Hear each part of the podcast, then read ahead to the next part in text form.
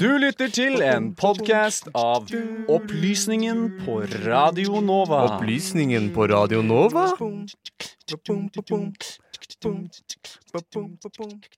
Forrige uke så snakket vi om protester i Hviterussland, der Aleksandr Lukasjenko har sittet ved makten helt siden 90-tallet, da Sovjet trakk seg ut av landet.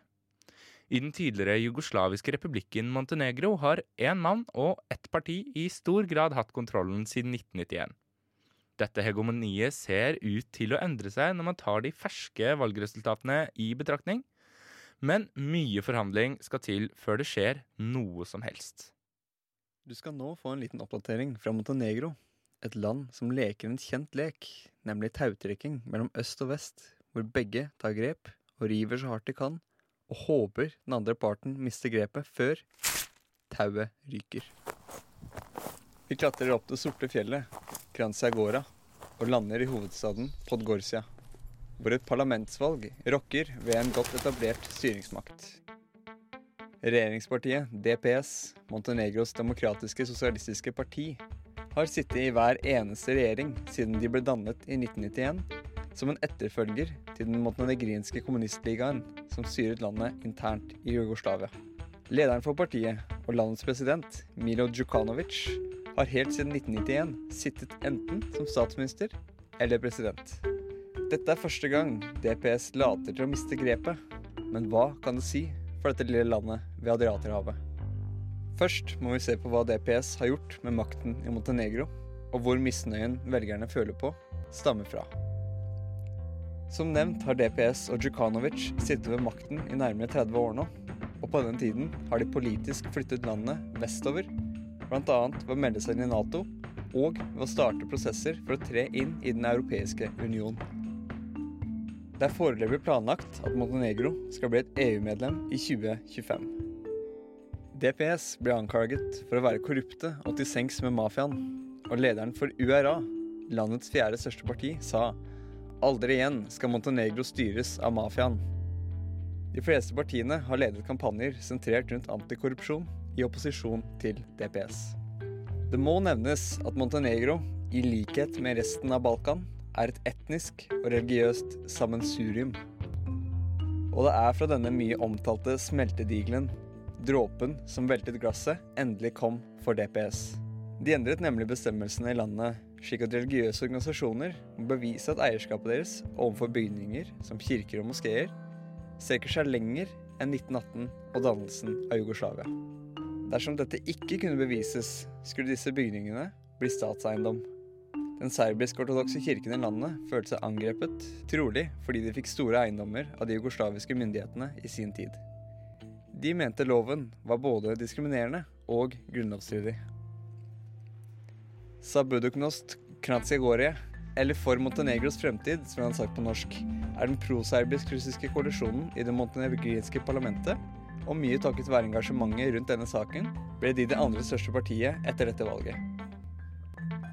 Der DPS tapte seks mandater, tjente For Montenegros fremtid fire, og har dermed 27 mandater mot DPS sine 30.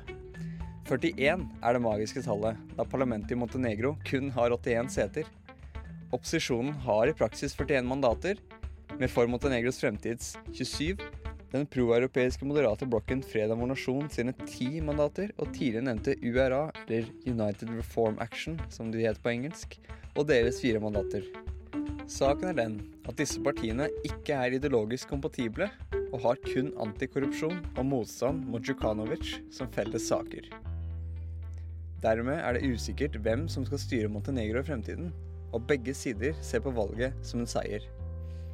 Hvorvidt Montenegro bytter regjering for første gang på 30 år, er altså avhengig av om landets formidable opposisjon klarer å danne en styringsdyktig koalisjon.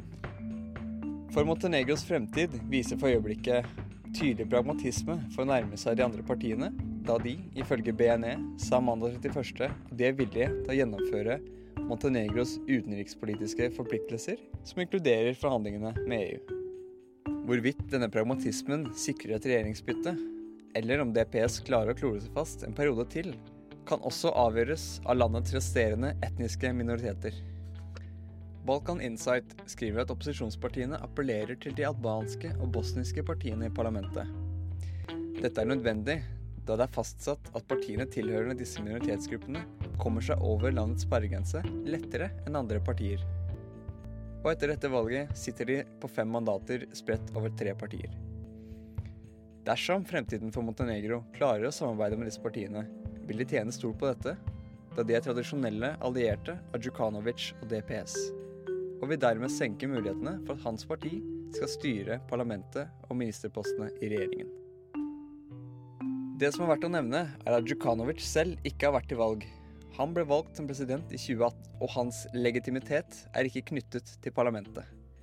Det er altså hans statsminister, Dusko Markovic, som bokstavelig talt er til valg. Imidlertid er det Djukanovic som er målet for opposisjonen.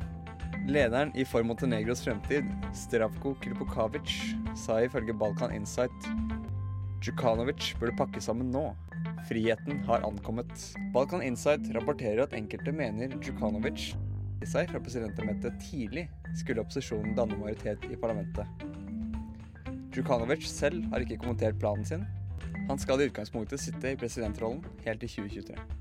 Montenegros nærmeste fremtid og politiske virkelighet skal altså forhandles om de nærmeste dagene. Følg med på hvorvidt en relikvie fra 90-tallets politiske landskap mister posisjonen han har holdt i 30 år, ikke ulikt det vi ser i Hviterussland. Og reporter i denne saken, det var Sebastian Hagel. Vi skal straks videre østover til Russland for å snakke om koronavaksinen.